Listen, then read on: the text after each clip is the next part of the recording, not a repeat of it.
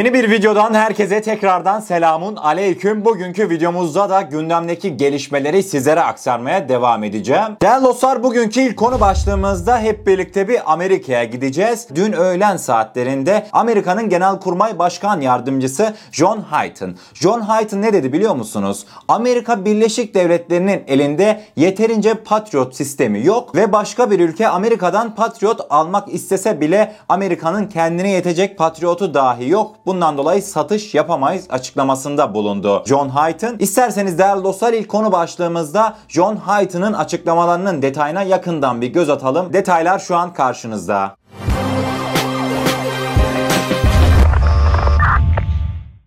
ABD Genelkurmay Başkan Yardımcısı General John Hyten, Stratejik ve Uluslararası Çalışmalar Merkezi'nin ev sahipliğinde düzenlenen bir etkinlikte ABD'deki Patriot füze savunma sistemlerinde bir eksiklik olduğunu duyurdu. Hyten, füze savunmalarını konuşlandırarak düşmanın bize karşı silah kullanmasını önlüyoruz ama burada sorunlarımız var. İmal aşamasında zorluklar yaşıyoruz. Patriot'un sınırlı bir kaynak olduğunu hatırlatmak önemli. Dünyaya baktığımızda ve Patriot'u konuşlandırdığımızda bunların asla yeterli olmadığını söyleyebilirim dedi. General diğer ülkelere satış için bile yeterli kompleks olmadığını belirtti. Hayton insanların dünyada hava ve füze savunma sistemlerini nasıl satın aldıklarına bakarsanız bir Patriot satın almak isterlerse daha önce sattıklarımızdan başka satacak bir Patriot'umuz yok dedi. Ayrıca Haziran 2020'de Alman medyası ittifakın Rus hipersonik füzelerine karşı koyacak hiçbir şeyi olmadığı için NATO'nun Rusya'daki en son gelişmelere bir cevap aradığını bildirmişti. ABD Genelkurmay Başkan Yardımcısı Hayton bu açıklamayı yaptıktan yaklaşık 2 gün önce falan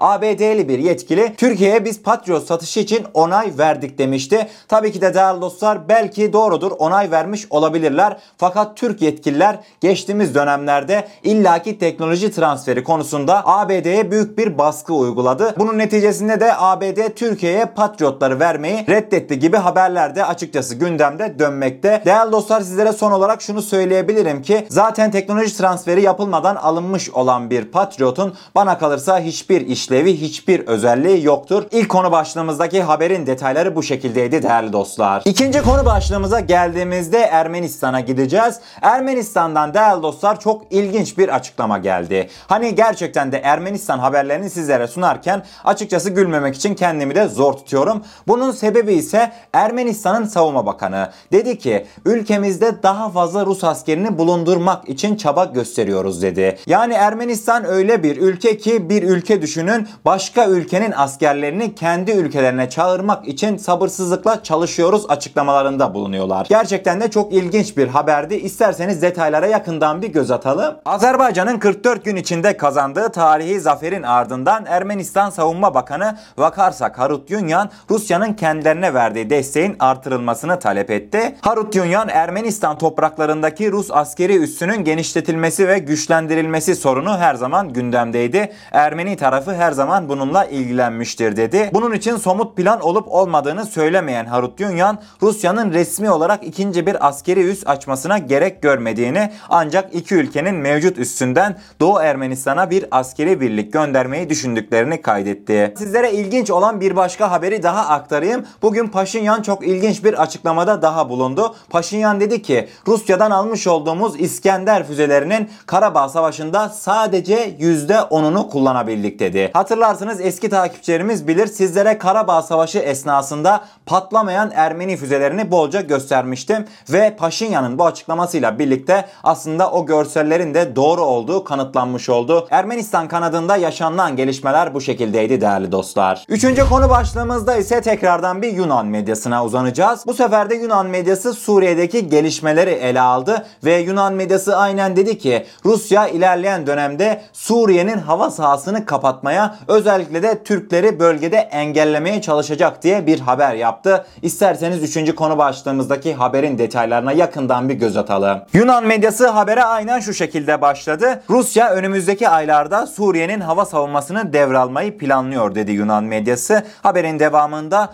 Rusya Suriye'deki Humemeyn üssüne yeni bir grup savaşçı gönderdi. Rus Rus basınına göre bu transfer 19 Şubat'ta gerçekleşti. Ancak Rus üstüne nakledilen bu savaşçıların ne olduğu henüz belli değil dedi. Askeri analistler Rusya'nın eylemlerini İsrail ve Türkiye'ye açık bir sinyal olarak yorumladılar. Birkaç gün önce Rusya Dışişleri Bakanlığı Moskova'nın İsrail saldırganlığıyla yüzleşmeye hazır olduğunu söyledi. Ruslar Rusya'nın karşı çıkacağı diğer ülke olarak Türkiye'den bahsetmediler. Ancak yılın başından bu yana Türk ordusu Rus askerlerinin varlığını artırdığı bölgelerde istenmeyen askeri bombardımanlar gerçekleştirmekte dedi Yunan medyası. Sizlere şunu belirtmek isterim değerli dostlar. Aslında takipçilerimizden de bolca bu konuya ilişkin soru geliyor. Hatırlarsınız Bahar Kalkanı harekatı sırasında bölgedeki hava sahası üstünlüğü çokça tartışılmıştı. Fakat sizlere son olarak gelen bilgilerden kendi duyumlarımı söyleyecek olursam değerli dostlar hiçbir şekilde sıkıntıya düşmeyelim. Gerçekten de özellikle de bir buçuk yıllık süreçte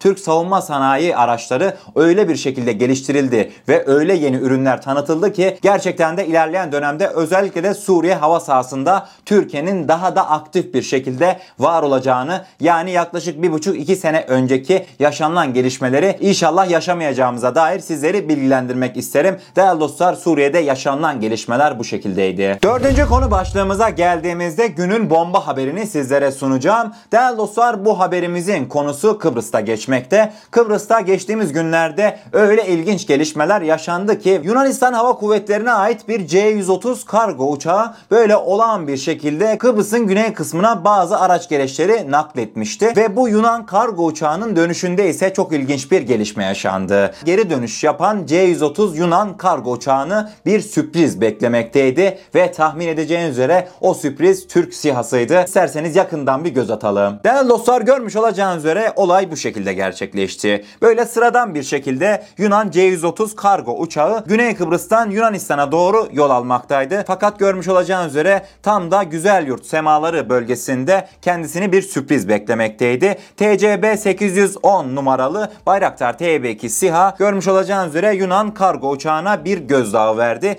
ve hatta Yunan medyasında bu haber yer alırken acaba Bayraktar TB2'lerin havadan havaya bir füze taşıdığı sorusu akıllara gelmişti. Yani Yunan medyası dedi ki değerli dostlar acaba Türklerin insansız hava araçları artık o çok üzerinde durdukları uzunca bir süredir gelişmeye çalıştırdıkları hava hava füzelerini de taşımaya başladı? Bazı Yunan askeri analistler ise Türklerin böyle bir şeyi başarmış olabileceğinin altını çizerekten bu yaşanılan gelişmenin buna bir örnek olduğunu ve gerçekten de Bayraktar TB2'lerin bir kargo uçağına bu şekilde nasıl yaklaşabildiklerini anlayamadıklarını belirtti. Kıbrıs hava sahasında Bayraktar TB2 ile tanışan Yunan kargo uçağı Yunan medyasında büyük bir korku uyandırdı. Bu haberi de sizlerle paylaşmak istedim. Tamam gerçekten de Yunan medyasının aktarmış olduğu gibi değerli dostlar insansız hava araçlarımızdan hava hava füzelerine ilişkin çalışmalarımız var. Biliyorsunuz Gökdoğan, Bozdoğan füzeleri bunlara bir örnek ve gerçekten de çok akıllı füzeler bunlar. Yani Yunan medyasının bu haberindeki ana başlık Türk sihalarına acaba hava hava füzeleri konuşlandırıldı da bizim kendi kargo uçağımıza bu şekilde bir önleme yapma niyetine girişti diye sormuş Yunan medyası. Gerçekten de değerli dostlar çok ilginç gelişmeler yaşanmaya devam ediyor. Fakat sizlere şunu diyebilirim ki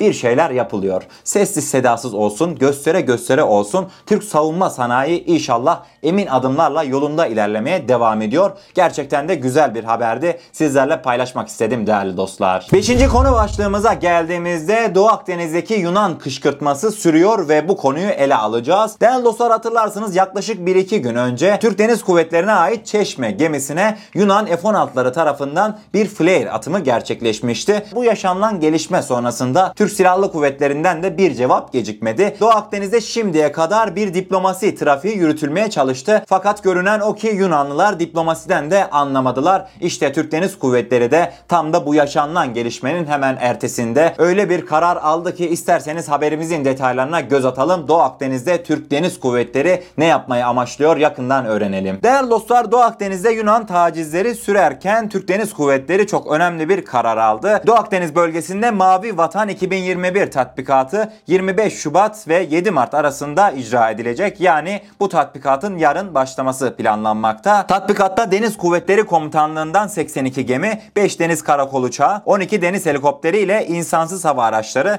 amfibi deniz piyade birlikleri, SAT ve SAS görev timleri, Kara Kuvvetleri Komutanlığından genel maksat ve taarruz helikopterleri, Hava Kuvvetleri Komutanlığından F-16, F-4 ve havadan ihbar ve kontrol uçakları, Jandarma Genel Komutanlığı Komutanlığından arama kurtarma unsurları, Sahil Güvenlik Komutanlığından botlar olmak üzere toplam 87 gemi, 27 uçak ve 27 helikopterle Türkiye çok büyük bir tatbikat yapacak. İnsansız hava araçlarının deniz harekat alanında operatif ve taktik seviyede kullanımının sağlanacağı tatbikatta gerçek harekat ortamının oluşturulması maksadıyla yüksek süratli insansız araçların hedef olarak kullanılacağı su üstü ve hava savunma atışları da icra edilecek. İşte böyle haberleri gerçekten de çok seviyorum. Yunanların anladığı dil bu değerli dostlar. Görmüş olacağınız üzere Türk Deniz Kuvvetleri gerçekten de çok büyük bir tatbikata hazırlanıyor ve ayrıca bu tatbikatımızın ana temasını da şüphesiz ki deniz kuvvetlerindeki insansız hava araçlarımız olsun, silahlı insansız hava araçlarımız olsun onların operasyonel bir şekilde kullanımı amaçlanmakta bu tatbikatta. Evet bugünkü gelişmeleri sizlere aktardım. Umarım doğru bir şekilde anlatabilmişimdir. Eğer kanalımıza ilk defa gelmekteyseniz kanalımıza abone olarak bizlere destek olabilirsiniz.